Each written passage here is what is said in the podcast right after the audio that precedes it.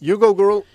206. epizoda je tole Metinega čaja, podcasta o medijih, dobrih in slabih praksah, novih tehnologijah in trendih prihodnosti. Gostje pa so uh, ljudje, ki v medijih delajo, z njimi živijo in o njih razmišljajo. In vaša gostitelja sva Aljaš Pengov Bitenc, Radio Chaos in Nataša Briški, Metina Lista. Aljaš, zdravo, kako si? Živijo, um, v redu. Spet planiram prihod v domovino za čez praznike.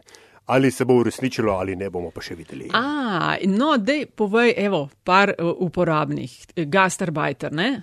Uh, Ja. Prihajaš v domovino, na kaj moraš paziti, kaj gledaš, Ja, kaj rabiš kdaj- vedeti. Uh, kdaj je zadnji hip, ko se lahko testiram, zato da bo test še velov za hojsove, ko pridem do meje? Ne? Okay. To, je gla, to je glavna stvar. Potem pa kaj? Planiraš prihod tako, da bojo otroci v avtu preživeli, da boš ti prevzel z otroci. In to je više manje to, no? zaenkrat. Sej ni zdaj, ne vem. A spremljaš tudi, kakšno je stanje ne vem, na mejah, a so razlike, valjda, da so, a niso med državami. Ne vem, ko bo šel iz ene v drugo državo, pa iz ne vem, Avstrije v Slovenijo, ali je više manje isto, če pičeš direktno ga. Oziroma, kako ja, da mislim, direktno glej, mislim tako, uh, so primeri, mislim, ne, anegdotični, ko so bili ljudje tudi zavrnjeni recimo na luksemburško-nemški meji, ker niso imeli testa. Ne. Čeprav načeloma je za tranzit uh, v redu in jaz priznam in zdaj le trkam, ne, z, odkar imamo to COVID sranje in stanje, še nismo imeli težav na mejah. Uh, je pa pač uh, kot vedno, ne, prvič, ko boš rekel, ah, se bo v redu, se ti bo nekaj zgodilo. Ne, tako da je važen, zelo, zelo pomembno je, da odkljukaš vse, vsa okenčka v predpripravah in da je vse tipi topi, ko greš na pot. No, ej, držim pesti, da bo vse v redu in da boste tudi vi dobili to dozo holesterola, tako kot mi, za Ja. velikonočne praznike. Ah, to, bo, to bo v vsakem primeru, veš, se tudi tkle, velika noč, ker velik praznik. Tako da No. uh, to pogledno ne bi bilo, ne bi bilo težav. Ja, Ok. Um, evo, lej, o tem, tudi o tem, kako ji je COVID spremenil uh, profesionalno življenje, bova govorila z uh, tokratno gostjo in to je doktorica Barbara Rajgal. Barbara, zdravo. Živijo. Oprosti za ta uh, uvodni vložek, ampak uh, me je res zanimalo, no, kako to. A ti potuješ kaj te dneve, ne vem, zaradi česar koli že, gledaš kaj. Ne potujem pač od, eh, bi rekla, od centra do centra. Nač, mislim, že eno leto, celo več, eh, nisem bila izven Slovenije. Mhm, v bistvu je pol glavna preokupacija, da meje občinske meje spremljaš pa regionalne, kje lahko pa kdaj. Ja. Um, Barbara, zelo sva veselja, vesela, da si gostja metinega čaja. S tabo bi se želela pogovarjati o vseh različnih stvarih, ki jih počneš in so zelo zanimive in imajo veliko uh, tudi za upraviti z, s komuniciranjem, z aktivizmom, z mediji in tako dalje, tako da naj bo zelo zanimalo tvoje mnenje, ampak vedno pa začneva um, tako, da se gost oziroma gostja predstavi. Izvoli, uh, kaj počneš? Um, jaz sem v bistvu lani imela 20 let delovne dobe uh, na FDV-ju, torej tja sem prišla kot mlada raziskovalka in zdaj pač učim uh, različne pravne predmete. Uh, v prvem letniku recimo temelje prava, potem pa za te, to bolj praktično smer sociologije, ki rečemo sociologija kadrovski management. Uh, imam tudi pre, predmet delovno in socialno pravo, pa gospodarsko pravo. Tako da um, sem pa v preteklosti tudi kakšne druge stvari uh, še učila, zlasti pa tudi je nuja na fakulteti raziskovati, zato ker je tvoja v bistvu poklicna pot nekako odvisna od uh, branja, pisanja in tako naprej. In tukaj pa se mi zdi, da me mal zanaša. Um, eni profesori ali pa raziskovalci so zelo usmerjeni v eno temo, um, jaz pa v bistvu grabam tiste teme, ki se mi zdijo v nekem trenutku aktualne. In to je mal problem z vidika v bistvu tega, da potem uh, zgrabam neko temo, se začnem z njo ukvarjati, zato ker je tako treba. In potem v bistvu me čisto odnese, recimo v zadnjem ukvarjala sem se, na začetku sem doktorirala iz gospodarskega prava, se pravi iz mobilnosti družb v EU. Um, potem me je zanesel zaradi teh referendumov in zaradi neke afinitete, ki jo v resnici imam v družinsko pravo, potem tudi eh, delno v delovno pravo, zdaj v zadnjem času lahko rečem pa zelo v, tudi eh, v pravo človekovih pravic, v ustavno pravo. Tako da nisem tako stabilna pri tem kot kakšni drugi kolegi. Um, drugo, kar počnem, je to, da v prostem času skupaj s tremi drugimi um, kolegicami oziroma um, pač eh, vodimo ta lokal Pritliče, kulturni center in lokal, potem iz tega je pa izrasel še par, bi rekla, nekih uh, satelitov, kot je uh, festival Grounded, ki ga delamo uh, polet. Um, in pač v, v najbolj zadnjem času sem pa ena od soustanoviteljic um, pravne mreže za varstvo demokracije. A, sem te hodila takoj uvodoma vprašati, kaj od naštetega, ker uh, sem nekako vedela, ker spremljam tvoje delovanje, kaj vse znaš našteti in sem te hodila vprašati, kaj si najbolj ti od vsega, kar si povedala, kje si najbolj srcem pri stvari, ampak se mi zdi, da si v bistvu že odgovorila s tem, ko si rekla, da te veliko različnih, pa predvsem v določenem momentu, ne vem, aktualnih zadev zanima. Ja, v bistvu tako nekako. Ali je, ali je kaj, ali se da za kaj od tega naštetega reči, da če bi, bi se pa temu sto odstotno posvetila? Ali je to pač nek eh, koncept, ki pa tebi nikoli ne bo šel skozi? Če bi se to dal reči, bi se to zgodil, po mojem, tako pa um, verjetno ta razpršenost je posledica tega, da se res ne morem samo za eno stvar odločiti. To je tudi mal mogoče posledica tega, da živimo v maj, relativno majhni državi, kjer saj jaz uh, mislim, da se ne moreš to zelo specializirati in da se moraš več stvari uh, prijeta. Ne. Recimo, če samo pomislimo civilna družba, nevladni sektor je pri nas res opustošen, kljub trudu številnih v bistvu nimamo nekih eh, res takih močnih um, nevladnih organizacij, zato se mi zdi dožnost nekoga, ki je, kot jaz, kot doskrat rečem, ki ima petga plačal na univerzi, da se aktivira tudi na drugih področjih. Morda to v tujini ni treba, zato ker so vsi sektori podobno pokriti kadrovsko, finančno in tako naprej, pa nas pa mislim, da je to tvoja neka državljanska dožnost. Čak, omenila si petga plačal, pa vas imate petga, to s 15 ja. to ni, to ni več. ne, petega. Javni sektor ima od nekdaj petega plača. Okay. Takrat, ko je Drnovšek zamaknil javnovarsko plačo na 5. februarja. Um, Barbara, eden od mojih bolj priljubljenih komadov, ne, pravi, da um, večina zanimivih 20-letnikov, oziroma večina zanimivih ljudi pred 20 letih ne ve, kaj bo počela v življenju in da večina, da nekateri zanimivi 40-letniki še vedno ne vejo, s čim točno ne, bi se ukvarjali in potem tako mal sem pa kaj laufajo. Na to sem jaz spomnila, seveda. Zna bi, da socia... sem bila mlajša, da sem bolj vedela. Veš, zmer, ko smo, so me vprašali, kaj bom, ko bom velika, sem rekla tist, ki pove, kaj je prav, pa kaj narobe. Najbrž sem s tem mislila, da bom sodnica. ja, lej, ampak uh, ena stvar, ki pa vendarle ne, me, me nekako um, se spomni ali pa ki se mi zdi, da je zelo lasten slovenskemu medijskemu, pa tudi akademskemu prostoru, ne, je, da je nenadajena posledica tega, kar si ti ravno kar opisala in s čimer se v veliki meri strinjam, ne, da pač, če vidiš problem, ga je treba nasloviti, ne, um, da imamo v Sloveniji malo število ekspertov za veliko stvari ali pa če pogledamo Twitter, veliko število ekspertov za veliko stvari. Skratka, da, se, a, da je nek dojem, ki je morda napačen, ne, ampak da so ljudje, ki. A veš, tako rekoč skačejo iz, iz vsake konzerve. Ne? O vsem imajo mnenje, o, o, o vsem se, o vsem se uh, izpostavijo, in uh, se ti včasih zdi, da. Um, ne vem, da si tisti, veš, go to person, zato ker noben drug se vem, noče s tem, nima o tem neče zapovedati, noče o tem povedati, ne sme o tem povedati, reče, no bomo pa Barbari Rajkal rekli. Aha, ja, zdaj ne bi rekla, da sem tako zelo preplavila, da sem jaz tako zelo preplavila medijski prostor, da bi se morala s tem ukvarjati, zakaj sem tako pogosto v medijih. V glavnem jaz uh, moram reči, da v bistvu tudi, če sem poklicana, da zelo razmislim o tem, ali je to moja tema oziroma um, če se z nečim, uh, če se na nekaj odzovem, res uh, stvari uh, prej zelo podrobno preštudiram. Nikoli ne grem na te razne okrogle neke mize ali pa na neke pogovore. Recimo, ne bi si nikoli upala komentirati volitve ali pa povolilno situacijo, ker o tem pač to moraš imeti nek zgodovinski spomin na takem področju, kar se pa tiče pravnih vprašanj, pa nekako, če me vprašajo ali neke stvari povezane z, ne vem, ustavno ureditvijo Slovenije ali pa z delovnim pravom ali pa z družinskim pravom. Jaz sem ena od tistih, ki vseeno ima to smolo ali pa privilegij, da sem prisiljena zaradi svoje službe v bistvu spremljati zelo široko pravno področje.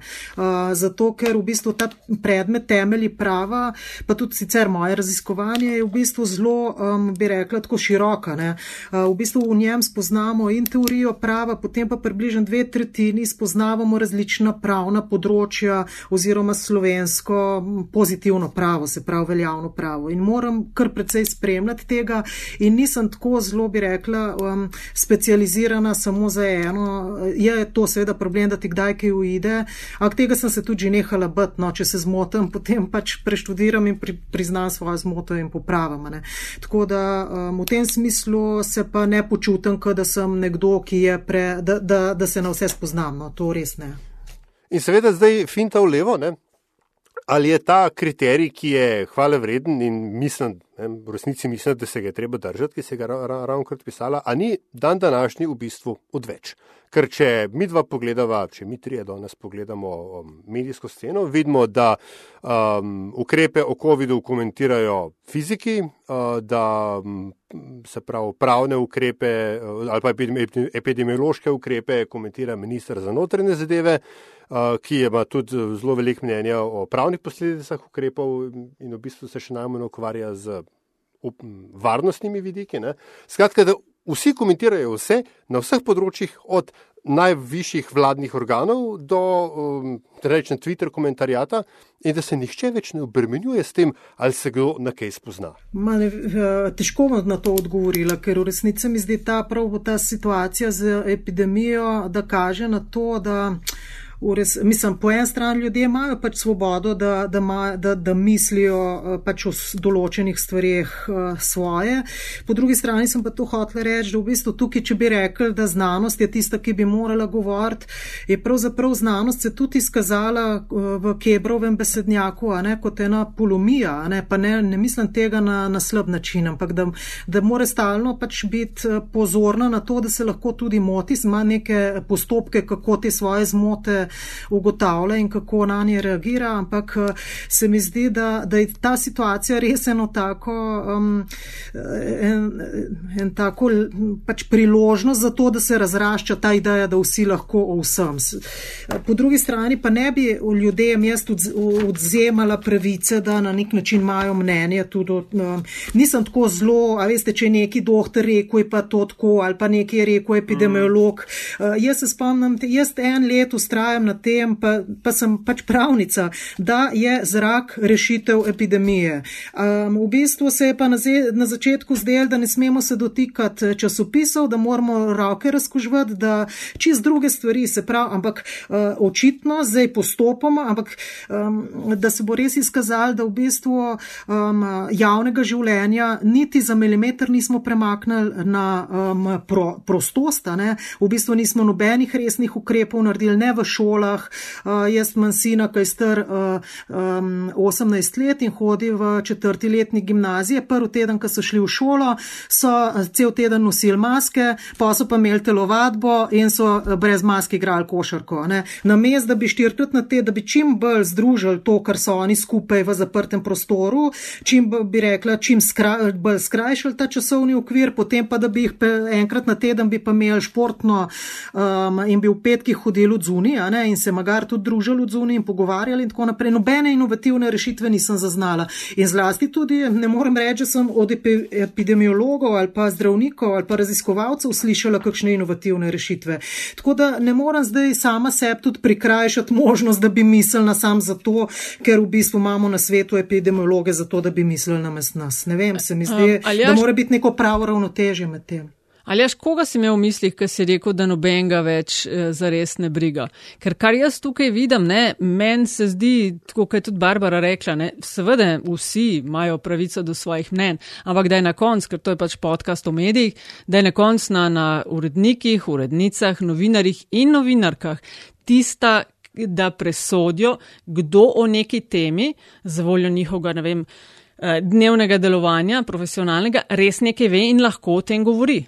No, seveda, sej, ravno v tem je, je bil, mogoče sem šel do, te, do tega mojega pointa zelo okroglo pa načoša, kot se reče v lepi slovenščini.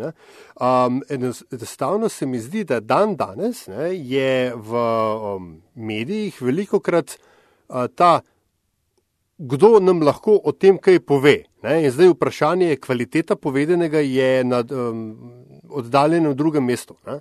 Veliko krat. Ja, no, kaj... ne, Ja, ja, veš, in, in, in, in to nas potem prepelje do vsega tega, kar je uh, veš, Barbara na začetku rekla. Ne vem, kar si Barbara, da ne bomo o tretji osebi pogovarjali, ne pengovski klele, se grdo obnaša. Um, skratka, uh, o, o siromašenosti um, NGO, se pravi nevladnega sektorja, o tem, da je kadrovska podhranjen uh, akademski sektor, da se ne morajo, da nimate raziskovalci luksuza se ukvarjati za striktno eno temo, ne, sploh v, končni fazi v družboslovju. Ne, in uh, da, se, da smo vsi skupaj kot družba, in seveda potem so mediji, ne, ki so deloma tudi produkt vsega tega, ker ljudje hodimo, medijski ljudje, skozi te uh, izobraževalne procese in spoznavamo te iste ljudi. Ne, in da smo v bistvu. Zdaj je Slovenija v nekem začaranem krogu, kjer, ki, ki sam sebe futra s to isto o, napačno logiko, kot si jo Nataša zdaj, zdaj pravilno opisala. Ne? Ker meni se, veš, Barbara, vprašanje za te. Ne? E, jaz pa ne vidim, mislim, ja, vsi vsem, ampak po eni strani pa, ko gledam obraze v medijih, ne, Barbara, se mi pa zdi, da imamo. Enega samega, ki zna nekaj povedati na ZDA, enega, ki zna nekaj na pravo povedati, enega na ne vem kaj prosto uh, izberi in da so v glavnem to moški. A imaš ti podoben občutek? Uh, ja, pač imam ta občutek, da so določeni ljudje večkrat, pa bi rekla, poklicani, ampak jaz to na nek način tudi razumem z, da, z vidika novinarjev, urednikov, da v bistvu tisti, ki so bolj. Um, na razpolago, ki se hitreje odzivajo, so večkrat poklicani zato, ker je medijski čas zelo kratek, treba se hitro odzivati.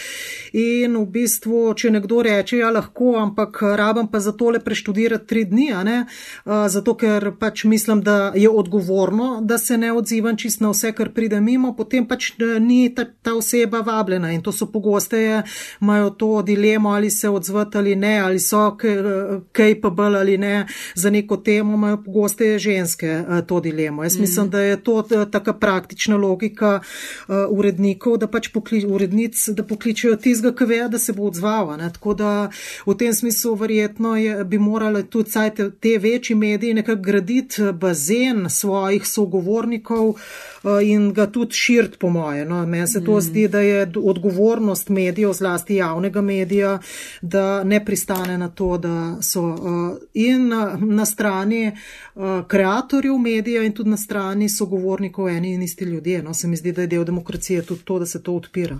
Mm, no, ti si po družbenih omrežjih, uh, te ujamem večkrat na Twitterju, no, zelo kritična tudi do medijev. A imaš občutek, da imaš zaradi tega več ali manj prostora v medijih?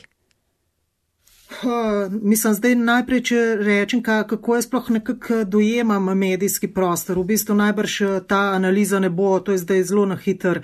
Dojemam ga, kot da je sestavljen iz nekih glasil, ki so zelo uh, v bistvu ten, z neko tendenco na trgu. Se pravi, ali so to strankarska glasila ali kakšna korporacijska glasila ali lokalna, v smislu županska glasila. In to sploh ne bi tretirala kot mediji. Pa imamo pa v bistvu uh, neka, uh, neke medije, ki so v zasebni lasti, vedno pogosteje strani ljudi, ki imajo neke dodatne interese, kot so neke korporacije, tuje ali pa domače, se pravi, ali je to uh, skoraj da ni medija, ki pravzaprav ne bi imel koncentriranega lastništva strani neke močne gospodarske družbe ali pa osebe ali figure ali kakorkoli.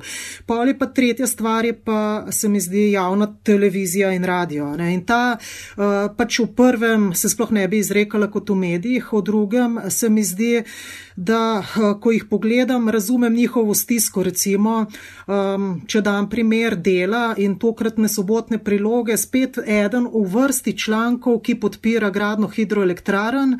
Uh, strani nekega okoljskega svetovalca, tukaj zadaj ni razkrito, da kolektor, ki je rastnik dela, uh, da v bistvu ima močen interes pri gradni hidroelektraren, uh, zato ker je in gradbeno podjetje in izdeluje um, turbine, neka hčerinska podjetja.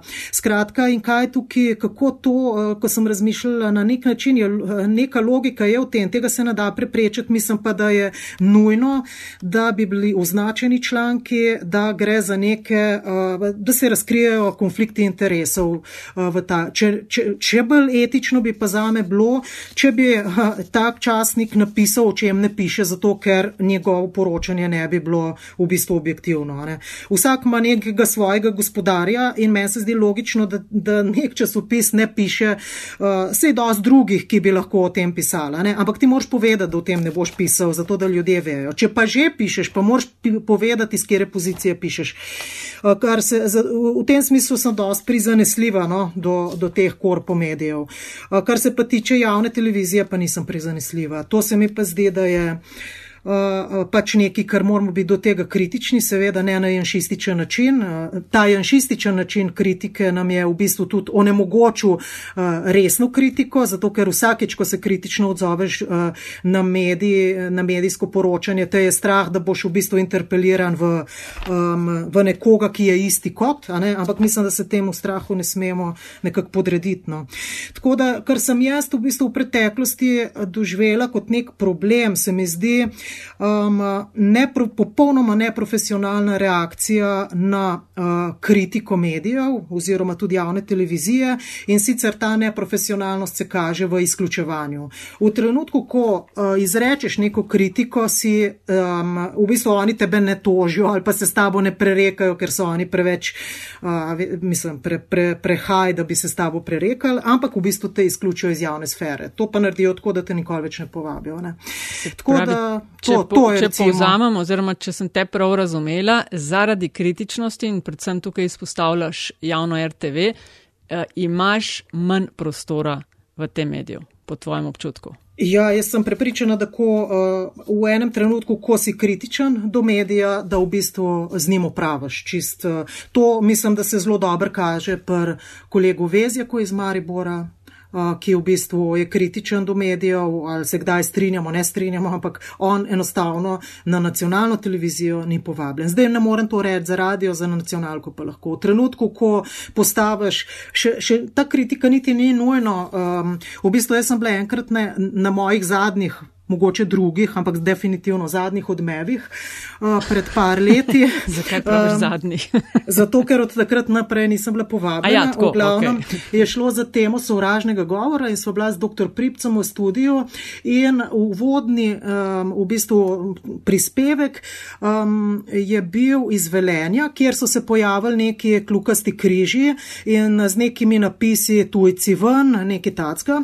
In uvodni prispevek je naslovil predvsem predvsem problem tega, da je vedno več albanske populacije v Velenju. In jaz sem po koncu oddaje, um, sem pač protestirala pri urednici z SMS-om, da se mi zdi, da, da, da ne moramo uravnoteževati, da lahko, da je to problem, jaz ne vem, s tem se jaz ne ukvarjam, ker nisem ne demografinja, ne sociologinja okolja, ni česar, jaz sem pravnica in sem prišla tja govoriti o uh, sovražnem govoru. In to, da je nekje več populacije, uh, ne, neke nacionalnosti ali verske uh, prepričanja. To, to, to je popolna insinuacija, kot da v bistvu to upravičuje karkoli. No, to sem pač z, polsta, z dvema stavkoma povedala in preprosto nikoli več nisem bila povabljena. Jaz vem, da takrat, ko to naredim, da bo to imelo posledice in te posledice so vedno izgon iz raja. No, Ampak mene to, oh. pač, veš, če si oni predstavljajo, da je to rajno. Izgon. okay, no. Ampak. Veš, kaj sem hotela? Ja. Ne, veš, kaj sem, to sem hotela, ker je ravno odmeve izpostavljala. Ne? Se spomnim enega primera, ko eh, si gostovala, pa zdaj ne vem, je šlo za to, ker sem bila prvič ali drugič v odmevih, eh, je bil zdaj premije Janša precej nesramen pred tvojim gostovanjem v odmevih. Mislim, to da je to isto, ja. Aha, to isto. Nekaj, mm. nekaj zelo grobega je tvitno. Uh, dej, za tiste, ki ne vejo, no, da je mal povzami, zakaj je šlo pravzaprav. Torej, v bistvu mislim, da je eden od njegovih oziroma strokovnih sodelavcev SDS napisal, da če res RTV nima nikogar, ki ne bi imel psihičnih težav, Eh, in je on to retvital. Se pravi, da, da vabijo odmeve ljudi s psihiatričnimi in psihičnimi težavami, nekaj takega. V glavnem takrat eh, je tudi, veš, jaz, meni je zelo jasno, da mene nihče ne bo zaščitil, ne na levi, ne na desni. Veš, še najmanj se bo pa zame postavila neka urednica ali pa um, pač, uh, pač voditeljca odmevov, ker pač to ni njen problem, da se to zgodi. Uh, v glavnem in jaz sem takrat potem šla k odvetnici, ker me je zanimalo in tukaj je bila ena zanimivost to, ali retweet pomeni v bistvu utrditev oziroma lastno mnenje. Ne? In tukaj se je že zataknil. Lahko pa rečem, če bi bilo to, sem zadnjič razmišljala, če bi bila ta situacija danes, eh, ko smo vzpostavili vendarle neko to pravno infrastrukturo, da bi se najbrž odločila uh, za tožbo. Takrat sem se pa obrnila na ene tudi uh, znanke novinarke, ki so v podobnih primerih pristale in so mi odsvetovale, čež da je to enormna količina denarja, izogibanja uh, strani uh, pač politikov v teh primerih in tako. No. Tako da pa nisem šla v ta postopek. No. Je pa to razžalitev, to ne bi, bila, to ne bi bil sovražni govor ne, po 297. členu. To ni javno spodbojene sovraštva, ampak je razžalitev, se pravi zopr dobro ime in čast. In to je postopek, ki se vodi na tvojo zasebno tožbo in v bistvu tudi vse stroške nosiš sam. To ni v javnem interesu, da bi potem prevzelo državno toživstvo in vodilo, ampak je, si ti uh, do, bi rekla, gospodar procesa. Mm, in do par tisoč evrov ste prišli, ne, da bi to stalo, na koncu bi pa od tega imela kaj? Ja, to, da bi najbrž lahko, um, pač mal bi se požugal uh, gospodu, da se to ne sme. No. To pa, mislim, takrat se mi je tudi zazdel, da v bistvu, a sem res jaz zdaj ta, ki more uh, to žuganje upraviti. Ni še kje kakšnega drugega. No. Mislim tudi na nek način, uh, zakaj bi čisto vse uh, stavili na neke individualne angažmaje. No. Se mi je zdel, da, da se more še kdo drug vključiti. Pa ne civilna družba, ampak institucija. No. A, eno, pre, mogoče si zdaj uh, nakazala uh, zanimivo pod vprašanje v celi zgodbi, uh, ker si omenila, da se je v času od tega, ko se je pač ta inkriminirajoči tweet zgodil ne, in vse, kar se je dogajalo potem vmes, uh, ali se je po tvojem um, družbena klima, zavedanje o pomembnosti izbire gostov, go, gosti in uh, kontekstualizaciji teh nastopov kaj spremenilo. Ker se mi zdi, da se je v zadnjem letu dni, oziroma drugače, ta, ta COVID kriza je vse te probleme, ki smo jih imeli, od družbenih do čist sistemskih, eksponirala in, in so zdaj hkrati privreli na površje. Se ti zdi, da je ta občutljivost, to zavedanje o tem, da vendarle šteje, koga, kam, kdaj, v kakšnem okoličinah povabimo, da je večje to zavedanje v medijih. Hm, ne bi, mislim, ne bi mogla reči. Odmeve, kot jih spremljam, celo postajajo vladna tiskovna konferenca, ne? da gospod minister za notranje zadeve, ki ima vsak dan lahko tiskovko, celo v odmevih razloži neke stvari, ki niso res in ima v bistvu sogovornika sploh na drugi strani, ampak samo moderatorja ali pa pač nekoga, ki drži mikrofon. Skratka, v tem smislu nimam občutka, da se je to kaj bolj, um, v bistvu sistemsko se pa sploh na ravni nacionalke ni kaj dosti spremenili. Uh, jaz sem že pred leti bila enkrat uh, uh, gostja telemedijska preža, ali kako je že, ali med, Forward Festival. Mislim, da so imeli kot neko, uh mhm. -huh. neko okroglo mizo o tem, da so zunanje, tiste, ki ne delajo čist v medijih, da so jih povabili, da mal povejo, kako oni vidijo medije. No. In ena od mojih uh, očitkov javni televiziji je to, da zelo deluje na tej sentimentalni in manj racionalni ravni. Se pravi, ogromen imate verskih oddaj, ogromno imate oddaj v kulturi in popolnoma povsod so politične oddaje. Se pravi, politiki, eh, strankarska politika, ta aktualistična, ki Danes zjutraj je včerajšnji stavek lanski sneg, ta aktualistična politika ima celo svoj parlamentarni kanal, plus to, da v bistvu nastopa po vseh možnih oddajah, ki so v živo, ki so edine oddaje, kjer zares lahko kaj poveš, ker jaz sicer sem vabljena, ampak povem novinarki 20 minut, ampak noter v oddajo gre pa 10 sekund. Uh, v glavnem to so te, pač se nimam nobenega problema s tem, zato ker domnevam, da tudi 20 minut, ko govorim, pač nekje mogoče pride skozi neke druge pore ven, ampak to, ta vse, to, to preplavljenost z bivšimi politiki, z sedanjimi in s potencijalnimi bodočimi politiki, ki imamo zdaj že intervjuje z njimi, to je res, se mi zdi, jaz ne spremljam to, da bi lahko rekla primerjave s tujino, ampak to se meni zdi res taka absolutna prekomerna poplavljenost. Potem se pa čudimo v naslednjem koraku, kako nobeden ne, um, ne zaupa znanosti. Jaz ne znam ene oddaje znanstvene našteti na, na, na, na nacionalni televiziji. Če mi zna kdo razložiti, kako ni ena Zarja Muršič vabljena, da bi, bila, uh, da bi naredila oddajo, tedensko oddajo o znanosti na nacionalki, potem ne vem, podobno z gospodarskimi oddajami. Ta prava ideja sem gledala, je bila zadnja novembra lani, pogledala sem zadnjih deset, niti ena ženska ni bila vabljena. Skratka, ogromno enih strukturnih problemov se mi zdi, uh, jih v bistvu nacionalka ne naslavlja, zato ker seveda um, skrajna desnica, janšizem, natanko ve, kaj mora. Skos mora bombardirati, zato da se v bistvu ukvarjamo z nekimi temi bombicami in da se ne ukvarjamo z uh, strukturnimi uh, stvarmi. Da... No, pa tukaj gre, gre tudi verjetno za vprašanje financ, ne? ker najlažji, najceneje je povabiti politika pred kamero, ker bo vedno rad pršo. Ne? Uh, medtem ko je treba za bodaje ali dobre ideje, kakorkoli pač mečke več priprav in koordinacije in tako dalje. Mogoče uh, ja, li, mogoče ne, le nevladni ja. sektor, civilna družba so popolnoma izključeni iz no, uh, v bistvu reprezentacije in verjamem, da ne bi bilo nič več dela z njimi in financ, kot pa za povabiti politiko.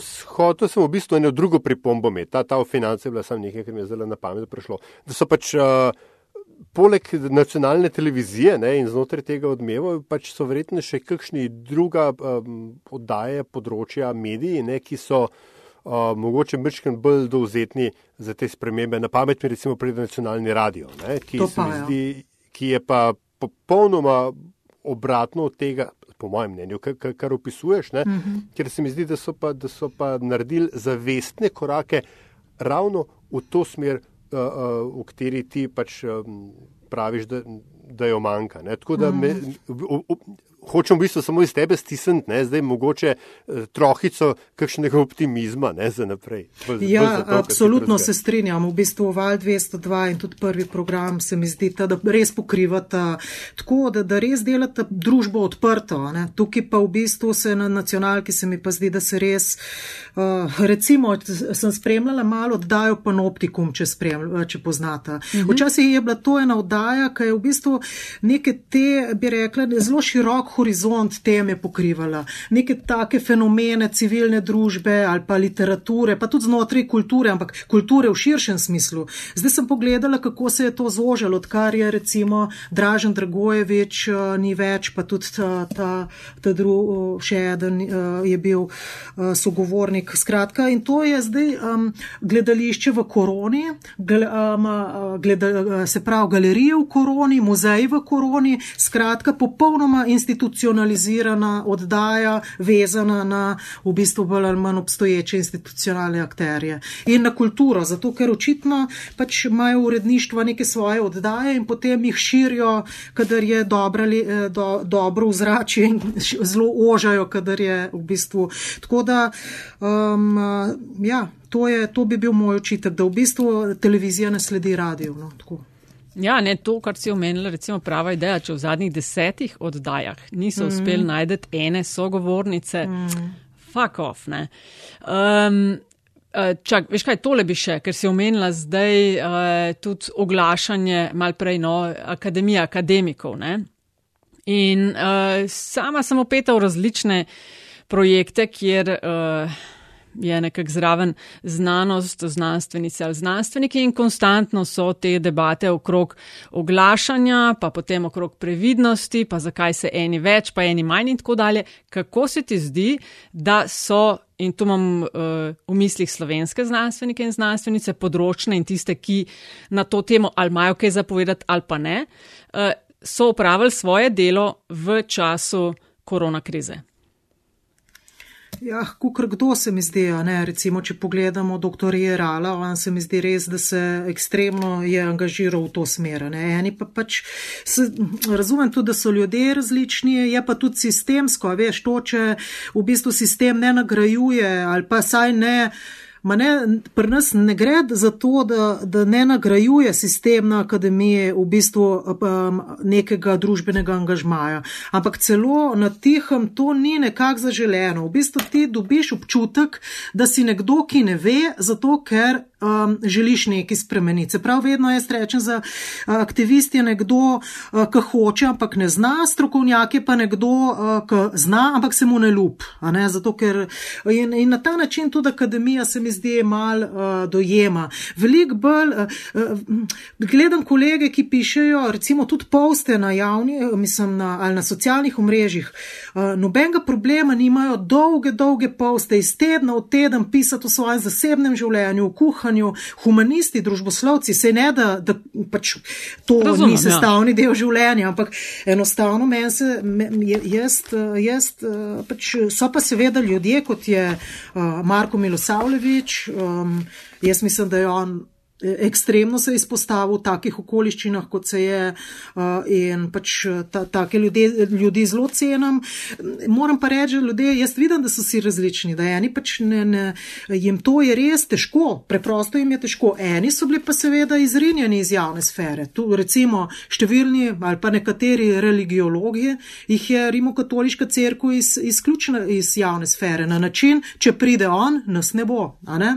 In potem pač, če nimaš dost močnega solidarnostnega komunitija, da rečem, v bistvu gre na mest tebe nekdo drug in tako se začne izključevanje. Se pravi, um, ljudje zelo na različne načine reagirajo na, na stvari. Ja, no. ne se omenila sem akademijo zaradi tega, ker je pač to zelo zahtevno leto, v katerem brez odgovorov znanosti na to, kar se dogaja, ne, ne bo rešitve. Ne. Če bomo molili rešitve, ne bo, če bomo verjeli vsakmu ta drugmu, ko bo imel kaj o tem povedati, ne bo. Samo znanost je tista. Ne. In da zmanjka včasih ne pravim vsi in vse in tako dalje, ampak da včasih zmanjka točno to ljudem, če ne bodo razlagali tisti, ki so najbolj poklicani za to, ker imajo strokovna znanja.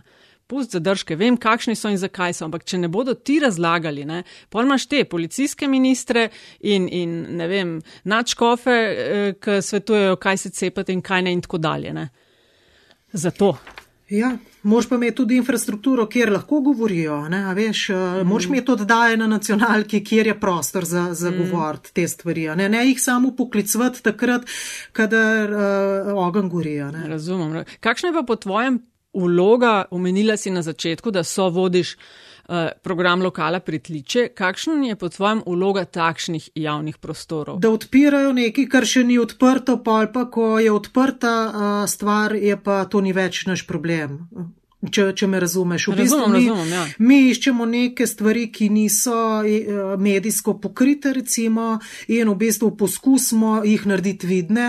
In ko postanejo vidne, upamo, da jih bodo, mislim, jih drugi primejo in potem postanejo, -hmm. um, ko bi rekla, last javnosti. No, to, to nekako se mi zdi te nišne, veš, tako kot za eno igalco z bost, tam, kamor ne bi nihče drug. No, pa upati, da gre naprej. Kako pa ja. prebijati to? A veš, včasih so pa um, ne vem, rečeš, ok, kupuješ ta časopis ali pa to revijo, govoriš prepričanjem. Kako po tvojem prebijati to, da, da ne govoriš s tistim, ki se tako ali tako strinjajo s tabo? Ške mi v zadnjih, eh, mogoče tudi jaz samo v zadnjih letih, eh, veliko se ukvarjamo bolj z zelenimi, ekonomskimi, socialnimi temami in te so res zelo horizontalne, ne? niso toliko zelo aktualno politične. To je mal drugač mogoče k eh, te identitetne teme, kot je LGBT ali karkoli. Tako da tukaj jaz mislim, da mi nimamo toliko zelo težav, da ne bi šli čez zidove svojih domačih dnevnih sob. No? Tako, Um, ja. mm, mm. Aljaša, si še, kje si? Ja, ja ne, ne. ok, poslušaj. Povej par uh, ok, še malo, no, evo, bom pa jaz ja, nadaljeval. Ne, ne, sej, sej je pač, vse skupaj je blazno zanimivo in se mi pač, um, I hate to repeat myself, ne, ampak se mi zdi, da veš, vse to, kar se zdaj omenila, ne, je hkrati privrelo na dan v zadnjem letu, ker se je izkazalo, da enostavno nimamo ne te infrastrukture, ki jo omenjaš, da pač ne samo, da jo nočemo uporabljati, ne obstaja. Da a, nimamo teh socialnih a, mrež dovolj razširjenih, da bi se ne, mediji naslonili na nekoga drugega, kot na unih standardnih pet, ki jih pokličemo, kadar delamo prispevek.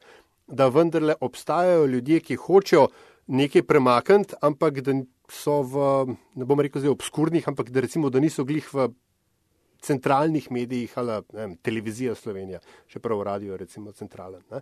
A, a, ampak ne vem, kako naprej. Kaj si ti predstavljaš, želiš mogoče, da bi se v zdaj začelo spreminjati? A je, a je ta debata, ki jo imamo na evropski ravni, ne, ki upamo, da se bo odvila, ne glede na to, da se ta hip ne ve, ali bo soočenje Eh, Jana Zajanša in ministra Semunitija v Evropskem parlamentu s parlamentarci ali ne v živo. Skratka, ali je mogoče tam na evropski ravni prostor, kjer se lahko mi, uh, slovenci, začnemo pogovarjati o tem, kaj hočemo o, od medijev, od uh, pristopa k njim, od se pravi kvalitete, ravni govora, ki ga uporabljamo, tako dalje.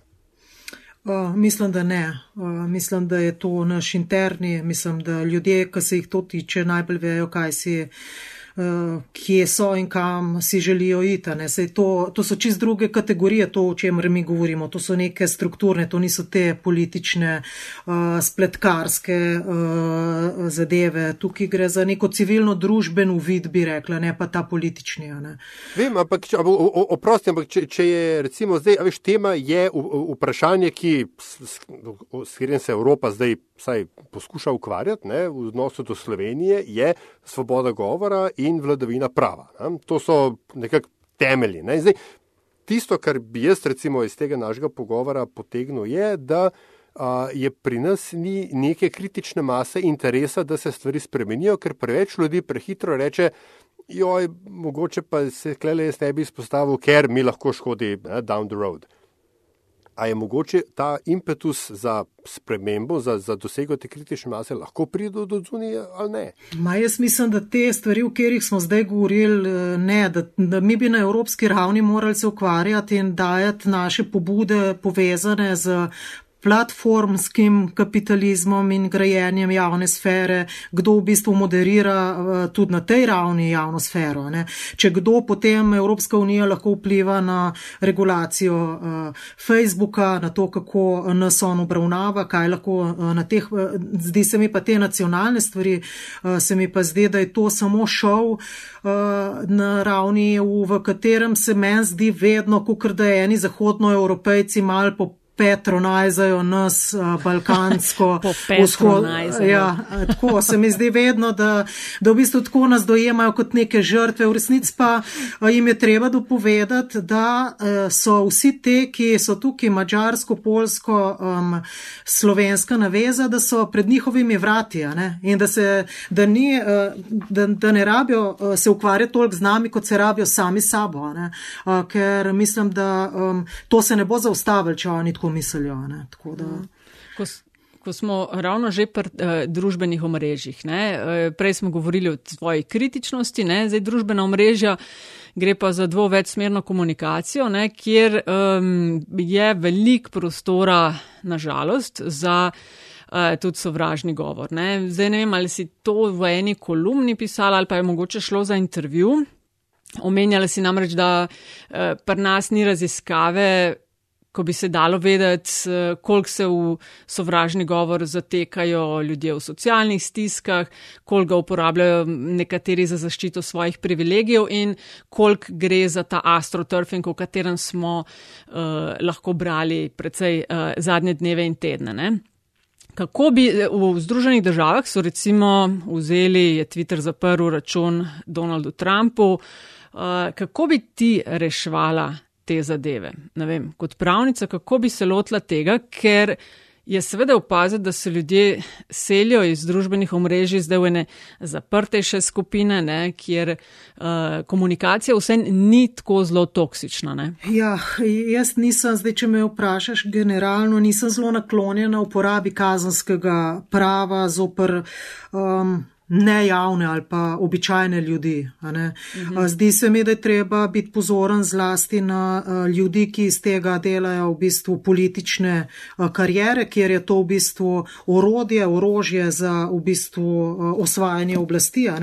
In žal moram reči, da v bistvu slovenski, najbrž pa tudi drugi pravni redi, ampak zlasti zdaj, če pomislim na slovenskega, niso prilagojeni vulgarnosti političnega razreda, eh, ki je pred nami. Eh, v bistvu, če sam pomislimo zdaj na tole ustavno obtožbo, ne, v bistvu je to mehanizem, kako se pred ustavnim sodiščem eh, začne postopek in ustavno sodišče potem preveri, ali je nekdo huje kršil ustavo ali zakon, se pravi predsednik vlade ali minister, ampak da do tega pridemo, do ustavnega sodišča, mora podpreti ustavno obtožbo, to inicijacijo 46 poslancev. Se pravi, to popolnoma nefunkcionalen pravni mehanizem, zato ker s 46 lahko zamenjaš vlado um, in postaviš novo, uh, se pravi po postopku konstruktivne nezaupnice. Ne. Se pravi, mi sploh uh, nimamo mehanizmov, tudi sovražni govor, veš, sovražni govor, ki je kaznjiv, izrekajo ljudje ali anonimno ali pa v kakšnih res, bi rekla, okoliščinah,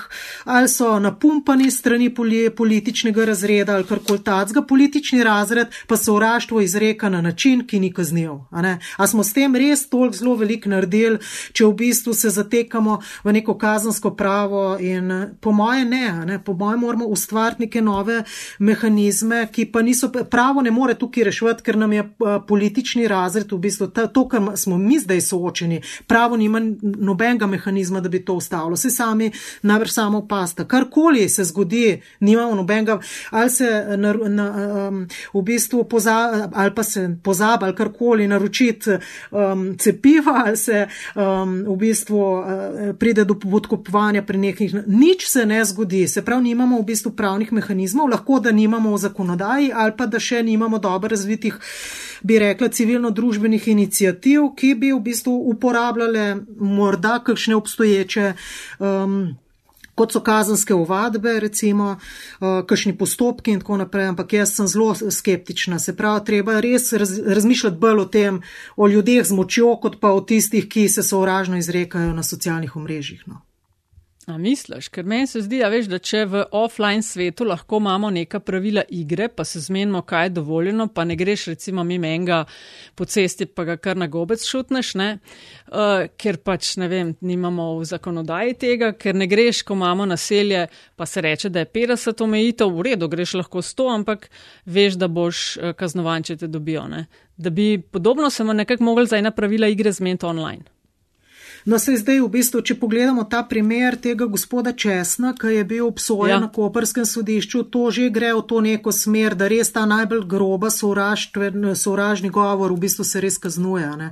To res ne moramo reči, da je bilo nekaj, kar mu je ušlo ali pa kar to so dobesedno pa, pač um, apeli po, po, po, po, po, po boju neke skupine ljudi in tako. No. tako to, to se seveda strinjam, da tako zadeva mora biti kazniva. Recimo, Če pa ne vem, jaz sem bila enkrat, eh, pač so me nagovarjali, da bi šli v nek postopek, zato ker je na enem portalu pisali, da smo uh, morilke, um, ker se za, zauzemamo za pravico do splava. Tiste meni ni v bistvu zdel, pač to je neka svoboda izražanja, lahko je to grobjansko, lahko je to karkoli, ampak da bi pa nekom grozila z zaporom, zato ker je rekel, da sem morilka, jaz se pa za, za, za, vla, za to je lahko žalitev, a ne? Um, mislim pa, da to ni sovražni govor, no. tako da ne bi prehiter skakala v te čevlje. No. Mm, mm. uh, Demo še kakšno reči, Barbara, o pravni mreži. Pravna mreža za varstvo demokracije je um, tvoja ideja, v kolikšni meri si ti angažirana pri tem? Um, kar pač bi rekla časovno in tako, kar uh, predvsej, mislim, vsi smo zelo angažirani. Kaj si, kaj podi banda za... projekta, je to tvoja ideja? Ne, bi, mislim, obrnili so se name ljudje iz civilne družbe, pač in potem sem mogoče mal povezala, zato ker sem vedela, da so eni ljudje to se ukvarjali s pomočjo um, in protestnikom in drugim uh, že v prvem valu in pa sem malo okrog poklicala, da ne bi vsak uh, pos, pa, pač spet uh, decentraliziran gledano vsak po svojem kanalčku in smo se nekako povezali in se mi zdi, da sem res zelo vesela, da, da lahko se pravi Amnesty International, uh, PIC, uh, potem potem danes je nov dan, pa naš zavod open, v bistvu smo, potem pa še ljudje iz civilne družbe, ki niso institucionalizirani. No, tako. Mm. tako da to je kar ogromno enega dela. Mislim, smo... da to morate, no kaj so, kaj so glavne uh, uh, vprašanja, s katerimi se obračajo na vas?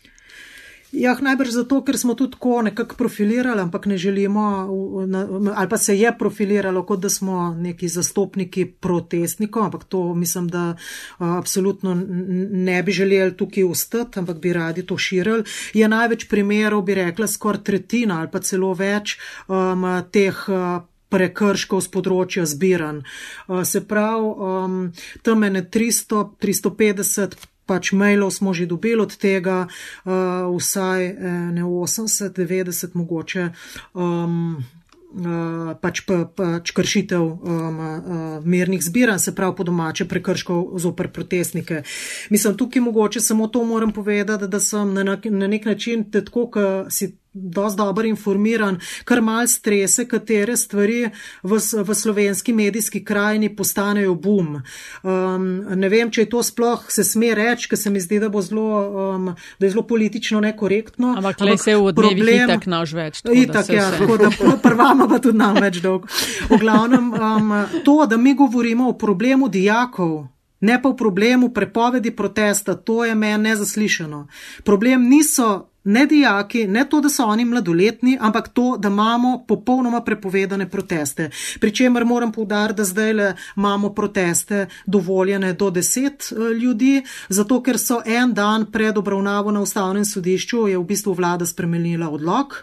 Uh, tako da bomo videli, kaj bo zdaj od teh do desetih ljudeh reklo ustavno sodišče. Ampak hočem reči, to so, z, to, so, to so taki posegi v ustavne pravice, da so nezaslišane, ampak mediji v bistvu tam, ta javna sfera se odzove in, in se sprašujem, tako me je tako totalno spomnil na to, kar sem se sprašvala takrat o tistih pusi rajet, če se spomnite. Ja, ja, se mi je zdelo, cela Rusija se upira, potem pa e, ene, eni nekaj naredijo in to ve celo moja mama.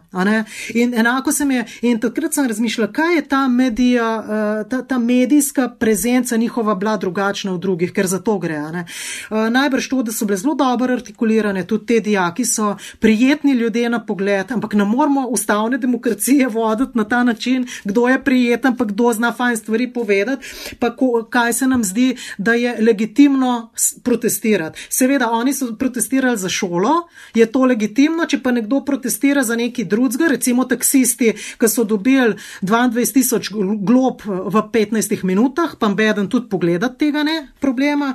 Um, njihova pravica do protesta pa ja, se, ampak ne bi mogli mal početi počakati, pa zakaj pa so glih tam zapeljali se na Šubičevo, pa tako naprej.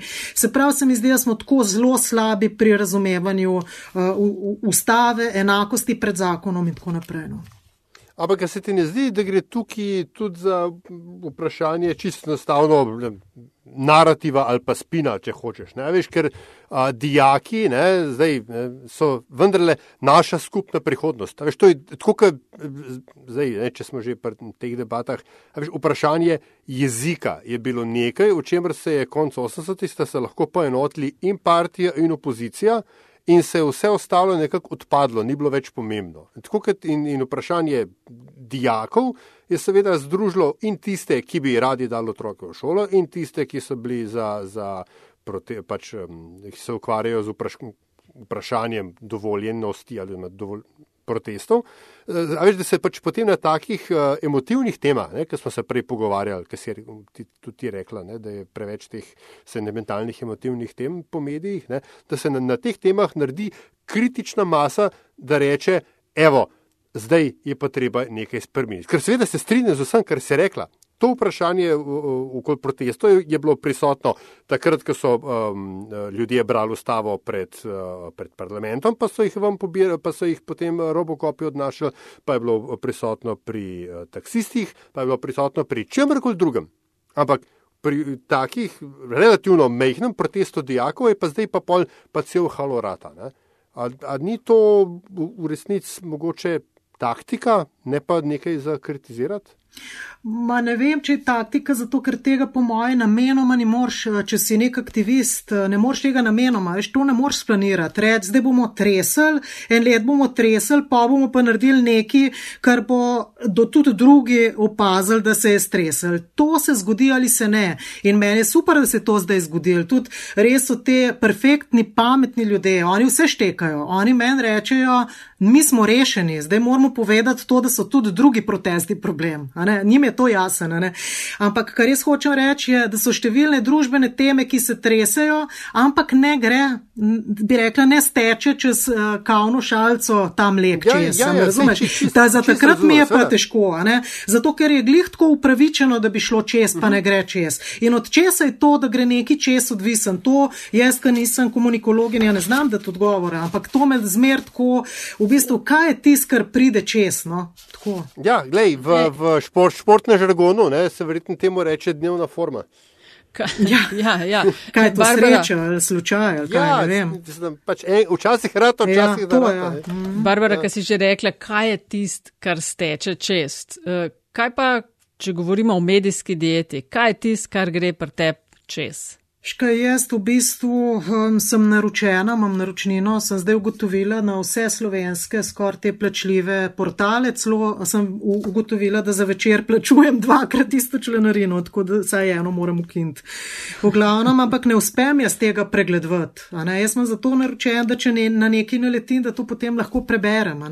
Naletavam pa pač um, nekako se zanesem na te druge, eh, ko, ko bi rekla, na ljudi, ki jih spremljam, tudi na Twitterju Aha. in tako tako, ne, ne odprem jaz, da veš, da bi odprla delo in vse prebrala. Ne, ne, ne morem, nimam časa ali pa da bi um, tudi mladine cele ne preberem. Ne. Tako pač mm. kar naletim, tako pa tu je stvari na podoben način. No. Pa kar ti influencerji nekako namignejo? E, zdaj ne vem, pač influencerji v tvojem krogu. Ne, ne, ne, influencerji ja, v tvojem recimo, krogu. Ja, to, kar pač najdem pri ljudeh, ki nekako zaupam, da no, no, berejo v redu stvari. Ja. Mm. To, to. Um, Aljaš. Um, A ja, tole, zdaj sam še povej na hitro, kaj imate letos plan za festival Grounded. To je en festival, ki se je zelo močno postavil v, v Sloveniji zadnja leta. Uh, Dej mal, na hitro mal povej o njem, no, za tiste, ki ne vejo, pa kaj boste letos naredili, če že veste. Torej, to je festival, ki uh, se podnaslavlja uh, festival elektronske glasbe, kritične misli in aktivizma. In zato, ker je elektronka zraven in pač kot nek, včasih je bil klubski, lani je bil bolj koncertni zaradi korone, v bistvu zelo moramo paziti, kdaj ga izvesti in upamo, da ga bomo podobno kot lani lahko izvedeli avgusta, zato da bo lahko zunija. Um, tako da vsak let potem izberemo eno temo. V preteklosti so bile teme bolj vezane na tehnologijo tehnologijo in družbo, lani delno, ampak ne čist, ker je bila tema resnica, letos bi bila pa tema država. Uh, tako da mal ene osnutke že imamo, uh, sodelujejo um, ni na Eh, Kodrič in Nina Hudej, ki sta v bistvu zelo dobri elektro, producentki elektronske muske, pa kuratorki. Potem pa v tem vsebinskem delu seveda tudi one dve sodelujeta, pa sodeluje tudi Monika Weiss in Nika Mahnič, ki trenutno študira, dela doktorat v Londonu. In v bistvu so tudi ti njeni pogledi, recimo na državo, kakršna postaja britanska država, res, res, res dragoceni. Včeraj je razložila, ko smo bili, to je res neverjetno, kako se pri njih zdravstvo privatizira, se pravi, kako odpada država, da so ženske začele dobivati bris materničnega vratu, da dobiš domov uh, opremo in si to narediš sama. Tako da to je država, privatizacija, kaj sploh, kam sploh gre, recimo, to je, ani to skrajna privatizacija zdravstva, to, da v bistvu kar vse sam narediš, to je mm, tako. Skratka, to so teme, ki nas zanimajo. No. Mm -hmm. Cool. Se pravi, avgusta za Grounded smo pozorni. Uh, spletna stran je pa grounded.si, ne? Je, yeah, je. Yeah. Okay. Aljaš, um, pred zanimivostjo? Uh, ne, to je, ja?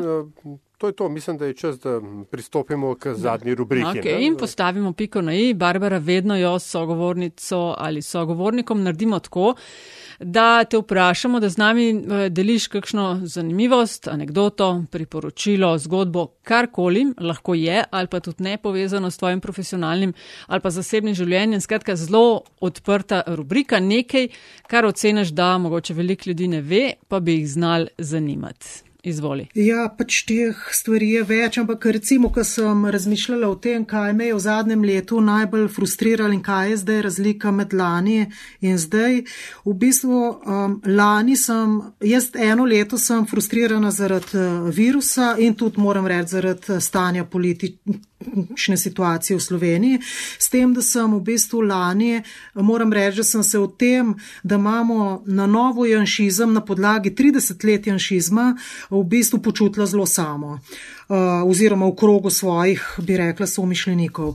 Zdi se mi, da smo uh, tisti, ki smo kvir ali pa ki smo pač pripadniki nekih manjšin, uh, to stisko za, za, za, za doživeli veliko močneje, veliko hitreje.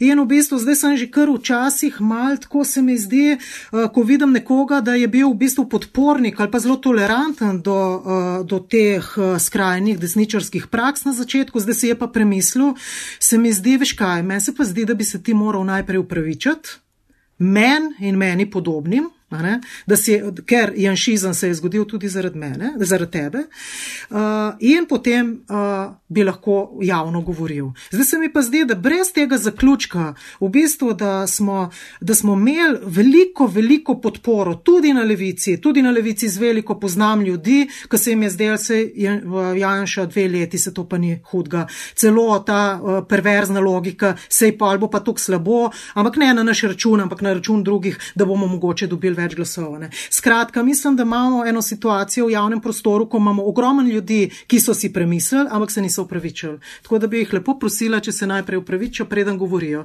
Recimo zadnjič sem poslušala v studiu City gospoda dr. Mraka, kot da on nikoli ni bil član svetovalnih skupin, kot da ni nikoli bil v najbližjih krogih te politično-ekonomske v bistvu zgradbe. On se zdaj distancira in kritizira to vlado, kot da nikoli ni. In podobno tudi profesori filozofske fakultete, podobno tudi profesori moje fakultete. Skratka, tako zdi se mi, da bi morali začeti z neko. Mm, z neko prakso, kjer za svoje zmote rečeš, hej, zmotil sem se in potem lahko začneš na nov. Zato sem jaz tudi, ko sem bila stara 17 let, sem na volitvah zelo navijala za pučnika, zato ker se mi je zdel, da se je očitno kučan zmotil, če gremo v drug sistem in da moram mečkanjati v kot, mal počakati in reči, zmotil sem se, zdaj imate vi svojih pet minut, pa pa jaz spet pridem. Pri nas pa v bistvu najbolj pridejo skozi tisti, ki se delajo, da imajo skozi prav. U, lepa za naslov. Barbara, eh, najlepša hvala, da si bila gostja podcasta Met in Čaj. Eh, v užitek te je bilo gostiti in eh, kaj ne rečem, lej, da postaneš sodnica čim prej ali pa odpreš svojo pravno pisarno, glede na vse povedano že na začetku. Ja, zato sem pa zdaj malži stara, zato za voj karjerni. Hvala za vabilo, pa a, srečno. Če ne prej naslednjič rad pravijo. Ne? Ja. Tako, ok, hvala lepa še enkrat. Ja, živijo, adijo.